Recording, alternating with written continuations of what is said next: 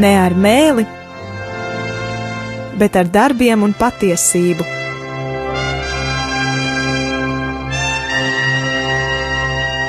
Atvērsim svētos rakstus un studēsim kopā.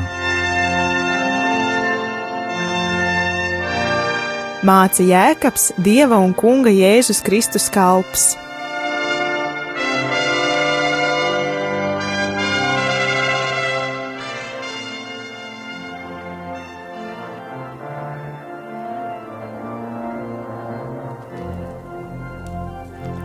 Slavēts Jēzus Kristus, studijā Stela un Anģela.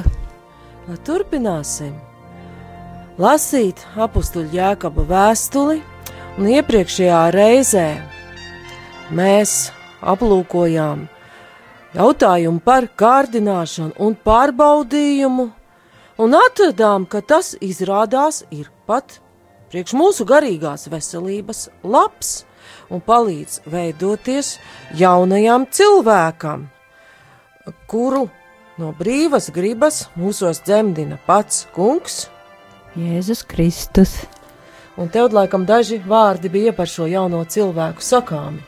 Nu jā, mēs e, izskatīsim to tagad Jēkaba vēstulē.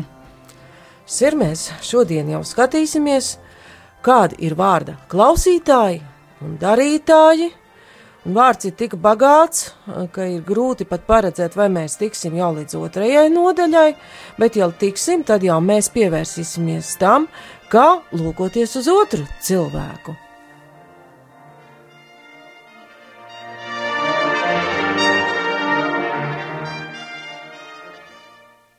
Tātad pirmās nodaļas noslēguma daļā Jēkabs runā par tādām divām cilvēku šķirām, jeb diviem veidiem.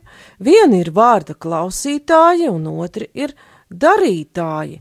Un viņš pirmās nodaļas 19. pantā savu aicinājumu jau sāk ar vārdiem. Ziniet, mani mīļie brāļi, lai ik viens cilvēks ir čakls klausīties, kūtrs runāt, kūtrs dusmoties, jo cilvēka dusmas nesagādā dieva taisnību. Čakls klausīties, kāpēc tas ir tik ļoti svarīgi. Mēs šodien daudz ko dzirdam, arī palaižam gar ausīm, atsevišķā vārdā, kādos vārdos vai informācijā arī ieklausāmies, dažkārt to arī kaut kur izmantojam, bet pārsvarā tā mūsu dzirdēšana ir diezgan tāda pavieša, un tas, ko mēs dzirdam, parasti mūsos nepaliek, un lielākajā daļā gadījumu mūsdienu informācijas pārbagātībā var teikt, paldies Dievam, ka tas mūsos nepaliek. Un par kādu dzirdēšanu tad šeit runā apustuls Jēkabs, čakls klausīties. Bībelē klausīšanās nenozīmē to, ko mēs uztveram ar dzirdes orgāniem, un ka tas nāk un iet, un cilvēkiem, kuri eh, slikti uztvera dzirdi vai kuriem sliktāka dzirdes atmiņa, tā arī tur nekas nepaliek. Bībelē klausīšanās nozīmē pievēršanos gudrības vārdam, derīgai pamācībai, šis aicinājums klausīties nozīmē dzirdēto uzņemt, sevi un pēc tā dzīvot. Aicinājums klausīties ir redzams jau vecajā derībā, kā Anģela grib jau kādus fragmentus mums lasīt. Nu jā, un atkal atkārtosim mīlestības likumu, atkārtot likumu grāmatā. Klausies, Izraēl, tas kungs mūsu dievs ir vienīgais kungs, un tev būs to kungu, savu dievu mīlēt, no visas savas sirds, no visas savas dvēseles un ar visu savu spēku, un lai šie vārdi, ko es tev šodien pavēlu, tev paliek ierakstīti tavā sirdī, un atgādini to saviem bērniem, un runā to sēžot savā namā, un pa ceļu ejot, guļoties un ceļoties, un sien tos kā zīmi uz savas rokas, un liec par zīmi starp acīm un pieres, un raksti tos, un liec pie sava nama durvju stabiem un pie saviem vārtiem. Paldies! Tā šī ir izrēliešu ticības apliecība, jeb šema, un šeit jau mēs redzam iekļautu jau jaunās derības mīlestības likumu. Tad Jēzus vēl pilnīgāk aicina pildīt šo vecās derības likumu, kur eh, teksts sākas ar šo aicinājumu klausīties.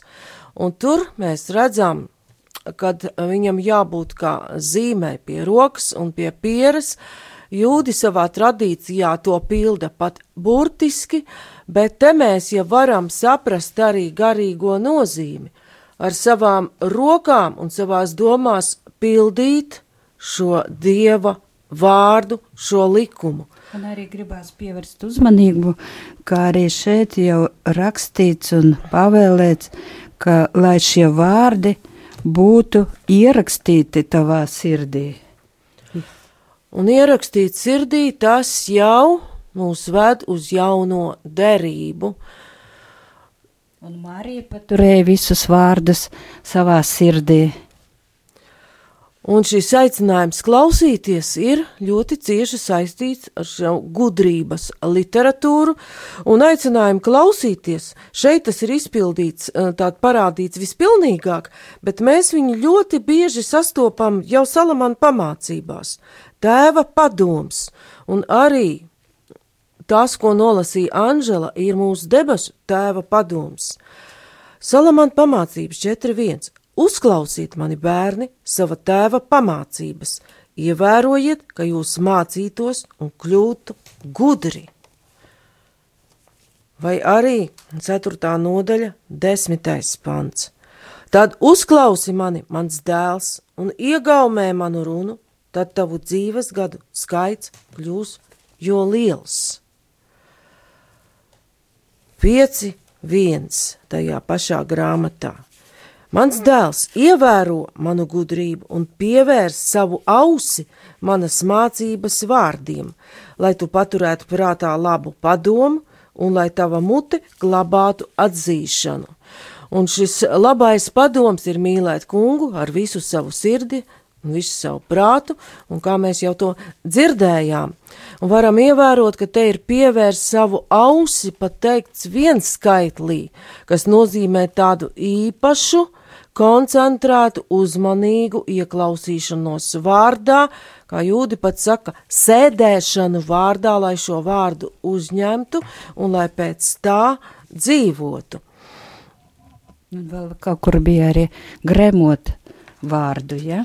Jā, es neatcerēšos tieši vai svētos rakstos kaut kur uh, ir tieši pateikts, bet varētu būt, bet tas nozīmē tādu ilglaicīgu vārda apcerēšanu, uzņemšanu, jā, pat eh, garīgā nozīmē tā košļāšanu, saprašanu, un ka tad, nu, tas ir sakošļāts, un mēs viņu pieņemam sevī, jeb norijam, tad mēs varam pēc tā dzīvot, jo tas mūsos dod šo dzīvības spēku.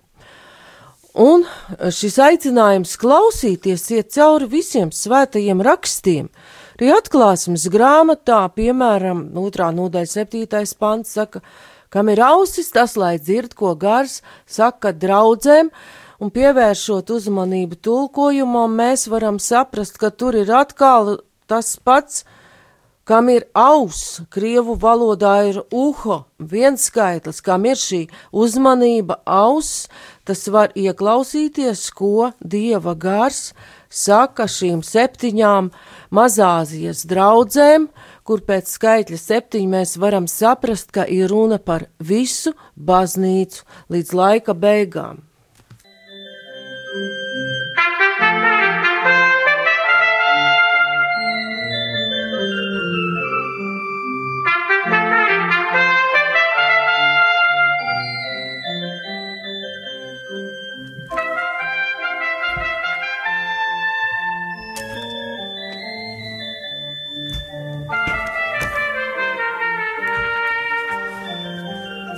Redzam, ka šajā vārdā, 19. pantā, ir uzsvars tieši uz šo klausīšanos, un arī apustulis Pāvils vēstulē romiešiem 10. nodaļā, 17. pantā runā par to, ka ticība nāk no šīs klausīšanās. Un varam jau saprast, iepriekš teiktā kontekstā, ka ticība nenāks no tādas paviršas klausīšanās, kad mēs necenšamies šo vārdu uzņemt un saprast. Tā tad ticība nāk no šīs auss pievēršanas, jeb garīgas dzirdēšanas. Tad uzklausīt šo vārdu, kas izrunāts ar dzīvo dieva balsi. Un tālāk ir jau aicinājums kūtrus runāt, dusmoties. Varbūt jaunākiem cilvēkiem šis vārds kūtrs ir mazāk pazīstams, Tas ir pozitīvā nozīmē slinks, runāt slinks, dusmoties. Tad, tad tāds, kas ātri nesāk savu runu un dusmošanās, jo ātra runa, ātrs spriedums ļoti bieži vai pat gandrīz vienmēr ir saistīts arī ar dusmām, jo dusmās mēs izsakam ātrumā tādus vārdus, ko apdomājuši labprāt paņemtu atpakaļ bet tie jau ir izgājuši no mūsu du, dus, dusmās, ir izgājuši no mūsu mutes. Tad te jau mēs redzam, apustulis aicina ievērot mūsu apdomības likumu, būt apdomīgiem ar to, ko mēs runājam, un apdomīgiem dusmoties, jo cilvēka dusmas nesagādā dieva taisnību. Un krieviski mēs pat lasām ņetverit, tātad cilvēka dusmas nerada dieva taisnību. Un kāpēc mūsu spriedums būtiski atšķiras no dieva sprieduma? Jo mēs neredzam otru cilvēku vai arī kādas lietas, pa kuram esam dusmīgi, mēs to nevaram uzlūkot kopumā, neredzam tā, tās lietas, parādības vai cilvēka uzvedības tālākās sekas, kuras redz Dievs. Sir mums pietrūkst Dieva apredzības. Un tāpēc apustulis Jēkabs aicina nolikt visu šo netīrību un ļaunprātību lēnprātībā, saņemt iedēsīto vārdu, kas var izglābt jūsu dvēseles. Un teksts pats jau virza mūsu domu gaitu, ka varam saprast, ka ar šo netīrību un lielo ļaunprātību Jēkabs ir vairāk domājis tieši šos mēles un dusmošanās grēkus, šo pārmērīgi ātro spriedumu jo apdomībā mēs varam būt tik pacietīgi, ka pat sagaidīt dieva spriedumu, kas parāda lietas un cilvēku tādu, kādu dievs pats to redz.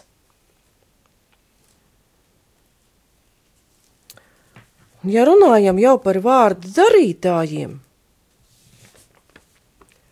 tad varam saprast, Vārda darītājs, šis vārda klausīšanās jau nozīmē darbību. Sakra, saklausītais vārds nepaliek vienkārši kā informācija mūsu informācijas krātuvē, bet viņš tiek dzīvots.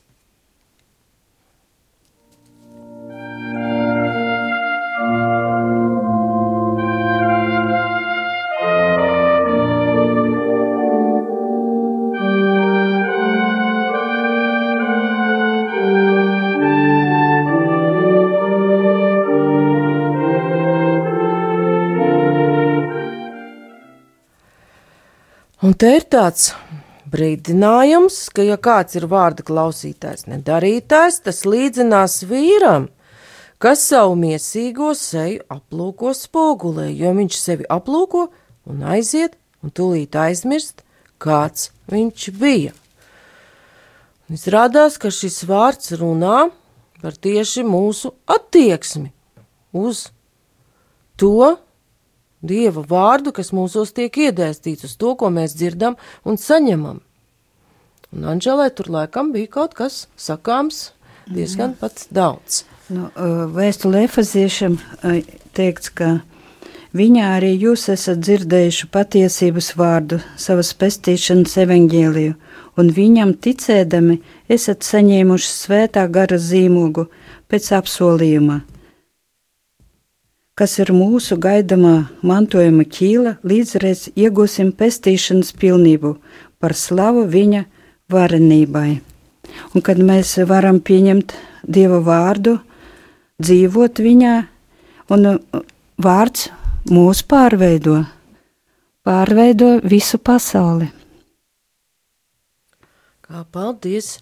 Tātad runa ir par to, vai šis vārds pārveido, vai vienkārši cilvēks, kā spogulī vārda gaismā, sevi it kā redz, un vēl varam saprast arī vēsturisko aspektu. Tā laika spoguļi jau nebija tādi, kā tagad tie ir. Asas redzējums, bet parasti tās bija kādas metāla plāksnes, kur, kuras pamērcēja ūdenī, lai attēls būtu asāks. Tātad tā redzēšana spogulī pat nebija pārāk skaidra. Tas ir cilvēks, kas vārda gaismā sevi attālināti novērtē, kaut ko attiecina uz sevi, kaut kā nē, bet vārds viņā nav iegājis, un viņš šo vērtējumu noliek malā un aiziet no šī vārda spoguļa nost. Tad, tad tas nav. Nu, jā, un Jāņa evaņģēlē rakstīts par tiem, kuri nepatur sevi Dieva vārdu, un viņa vārds nemīt jūsos, tāpēc, ka jūs neticat tam, ko viņš sūtīs. Jā, un kad mēs nepieņemam Dieva vārdu, mums nav tās arī neienāk viņš uh, Dieva vārds sirdī, un uh, cilvēks nevar būt Dievā un būt kopā ar Dievu. Nāk domas no pasaules, kārības. Jā. Tas ir pievēršanās tam, kas notiek pasaulē, un šis uh, skatīšanās vārdā paliek tikai tāda uh, virspusēja fakta konstatēšana. Nu, vārds saka, ka es esmu tāds vai tāds, bet nu labi, lai paliek, es to paturu prātā, varbūt kādreiz, bet vārds netiek izdzīvots, viņš paliek informatīvā līmenī. Bet jau tālākajā pantā Jēkabs runā par to, kas notiek, ja šis vārds ir uzņemts, ja tas ir cilvēka sirdī, bet kas ieskatīsies un paliks pilnīgajā svabadības likumā, nebūdams aizmāršīgs klausītājs, bet darba darītājs, tas būs svētīgs savā darbībā. Un te jau arī ir paskaidrots, ka tas cilvēks, kas lūkojas šajā spogulī ir šis aizmāršīgais klausītājs, nevērīgais klausītājs, kurš to dzird kā informāciju, bet kuru šis vārds nepārveido, jo nav uzņemts pašā cilvēka sirdī. Bet kas ieskatīsies atkal, krievu tulkojums ir precīzāks, kas parāda šo procesu, kto vnikņet v zakon soveršenī. Sikas iedziļināsies, tātad ienirs, ieies iekšā šajā pilnīgajā likumā, viņš kļūs par šo darba darītāju. Tad pilnīgais svabadības likums, ja brīvības likums. Kā to saprast, kas tas tāds ir?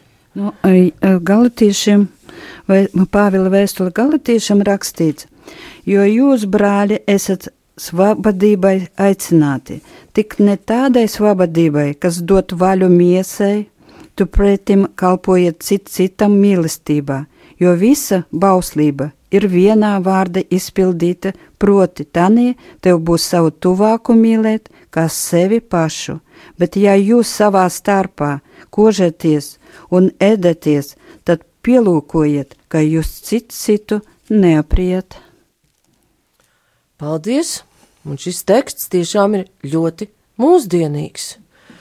Jo varam atzīties, ka uh, tas notiek gan pasaulē, gan, diemžēl, arī kristīgā vidē, ka notiek šī košanās un ēšanās, ļoti bieži pat par mazsvarīgām lietām, un ļoti bieži šo košanos un ēšanos izraisa nekas cits, kā tas pats ļoti mazais orgāns, kam jēkabs ir veltījis trešajā nodaļā veselu lielu sadaļu mēle un šie mēles grēki. Un tālāk jau ir tieša pamācība par šiem mēles grēkiem un varam saprast, ka pat tie miesas grēki jēkabam ir ļoti saistīti ar šo dusmošanos un arī mēli, jo tieši tas izraisa ļoti bieži spriedumu un notikumu lavīnu, kuru mēs nevaram paredzēt. Ka viņš runā par to, ka ja kāds šķietas dievam kalpojam un nesavaldi savu mēli, bet maldina savu sirdi, tā kalpošana ir velta. Tā tad, ja mēle nav savaldīta, Jēkabs saka, ka tā ir tikai šķietama dieva kalpošana, un cilvēks, viņš domā, ka viņš dievam kalpo, bet viņš tādā veidā Izrādās, ka maldina savu sirdi, un šī kalpošana ir velta. Nu jā, un tagad arī var, varam izlasīt no trešās nodaļas iekaba vēstules, jā? Jā, mēs varam. Jā. Jā, tev pievērsties, jo trīs par to runās. Netopiet mani brāļi daudzi par mācītājiem, zinādami, ka mēs nāksim grūtākā tiesā, jo mēs visi daudzajādi klūpam. Ja kāds vārdā neklūp, tas ir pilnīgs vīrs, spējīgs savaldīt savu miesu. Ja zirgiem liekam iemauktus mutē, lai tos darītu sev paklausīgus, mēs valdām līdz ar visu viņu augumu. Lūk, arī laivas, lai gan tās ir tik lielas un skarbi vēji tas mētā, jo sīka stūri tās vada, kurp tiecās vadītājs, tāpat arī mēle ir mazs loceklis un veids lielas lietas. Redzi, kāda maza uguns iededzina kādu lielu mežu, un arī mēle ir kā uguns, netaisnības pasaule, mēle ir likta starp mūsu locekļiem, tā apgāna visu miesu un aizdedzina dzīves ritumu, jo pati ir ēles aizdedzināta. Paldies! Kā redzam, ka Jēkabs savas domas attīsta pakāpeniski, ievēro pat šo pakāpenības principu. Tēmai par mēli viņš mūsu apskatāmajā fragmentā, ko skatāmies šodien, pieskars nedaudz. Trešajā nodaļā viņš jau to izvērsti, saka, un jau trešajā nodaļā mēs redzam, ka tā miesas savaldīšana ir ļoti saistīta ar ko? Pat ne ar to, par ko mēs esam ļoti pieraduši domāt, kas vārdā neklūp. Tātad Jēkabs runā par cilvēku, kas pirmām kārtām valda savu mēli, tātad atbildīgi izturas pret to, ko viņš runā, un mūsdienu informācijas laikmetā var mierīgi arī teikt, at, ir atbildīgs par to, ko viņš raksta, jo šodien visa šie mēles grēki notiek rakstiski, un mēs ļoti daudz, daudz kur redzam, ka pietiek ar vienu īsu teikumu, kāds ir apmelots vai ir dota kāda nepareiza informācija kādā sociālajā tīklā vai portālā, un tik tiešām aizdegas vesels mežs aiziet milzu ātrumā, netaisnīga informācija, nepareiza informācija, un daudzi cilvēki ir ievesti maldināšanā par citiem cilvēkiem, lietām vai notikumu. Neobjektīvais skatījums mūsdienās izplatās ārkārtīgi ātri, un līdz ar to mūsu kā kristiešu atbildība par to, ko mēs runājam un rakstam, ir pat vēl lielāka. Un šīs pirmās nodaļas noslēgumā Jēkabs mums pamāca un paskaidro, kāda tad ir šī tīrā un neapgānītā kalpošana Dieva tēva priekšā. Iepriekš viņš runā par šo mēles nesavaldīšanu, bet te viņš runā jau par vārda darīšanu, kas ir šī neapgānītā kalpošana. Dieva tēva priekšā ir šī pieskatīt bāriņus un atraitnes viņu bēdās, sevi no pasaules pasargāt neapgānītu. Tad ļoti vienkārša un skaidra pamācība pieskatīt bāriņus un atraitnes viņu bēdās.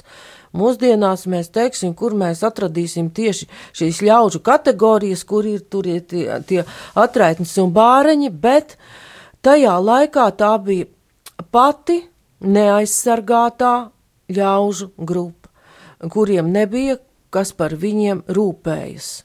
Arī jau uh, izceļošanas grāmatā ir teikts, ka neviena atraitne un neviens bārenis, lai netiek apspiests. Ja tu tos apspiedīsi, tad tie kliegdami klieks uz mani, un es uzklausīšu viņu saucienus. Tad manas dusmas iedegsies, un es jūs nokaušu ar zobenu, un jūsu sievas kļūs par atraitnēm, un jūsu bērni par bāriem. Paldies! Tā ir izceļošanas grāmatas 22. nodaļa, 21. 23. pants, un kā redzam, ka šī atraitnes un bāreņa, jeb beztiesiskā, nabadzīgā, trūcīgā cilvēka apspiešana ir grēks, kas sauc uz debesīm, un šo cilvēku saucienu Dievs uzklausa. Un arī atkārtotā likuma grāmatā 24. nodaļā šis noteikums ir atkārtots. Tad, tā, tas ir Torā nostiprināts kā ļoti būtisks un svarīgs. Tad atkārtotā likuma grāmata 24. nodaļa 17. pants. Nepārgrozi svešinieka un bāreņa tiesu un neņem ķīlā atraitnes drēbes. Tas nozīmē neapkrāp šo trūcīgo, šo nabadzīgo un nenoņem viņam iztiks līdzekļus. Un arī par trūcīgajiem runā um, atkārtota likuma grāmata. Jo tas kungs, jūsu dievs, ir dievu dievs un ir kungu kungs, ir liels, stiprs un bargs dievs, kas neviena vaigu neuzlūko un uzpirkšanas dāvanas neņem, kas bāreņiem un atraitnēm gādā viņu tiesu un kas mīl svešinieku, dodams viņam gan maizi, gan drēbes. Tāpēc mīliet svešinieku, jo jūs paši esat bijuši svešinieki Eģiptes zemē. Paldies! Tad šodien jau uz raidījuma noslēgumu mēs varam apkopot to, ka šis vārda darīšana nozīmē rūpēties par šo savu trūcīgo, tuvāko Un tam vajadzētu būt pat gan individuālā līmenī, ka mēs saredzam sev blakus esošā cilvēka vajadzības, gan arī valsts līmenī rūpējoties par to ar atbilstošiem likumiem un to, lai šie likumi tiktu pildīti.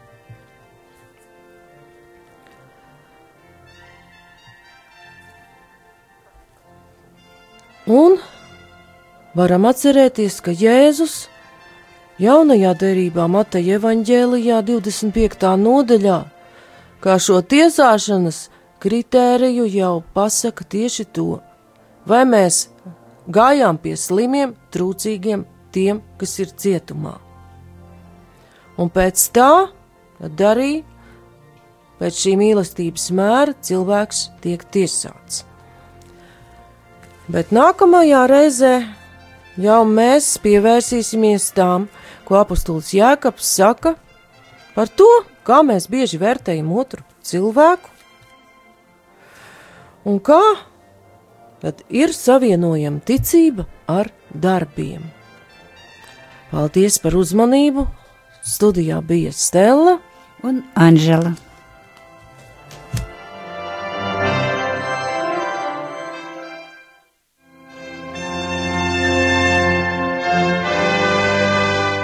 Izskanēja raidījums. Ne ar mēli, bet ar darbiem un patiesību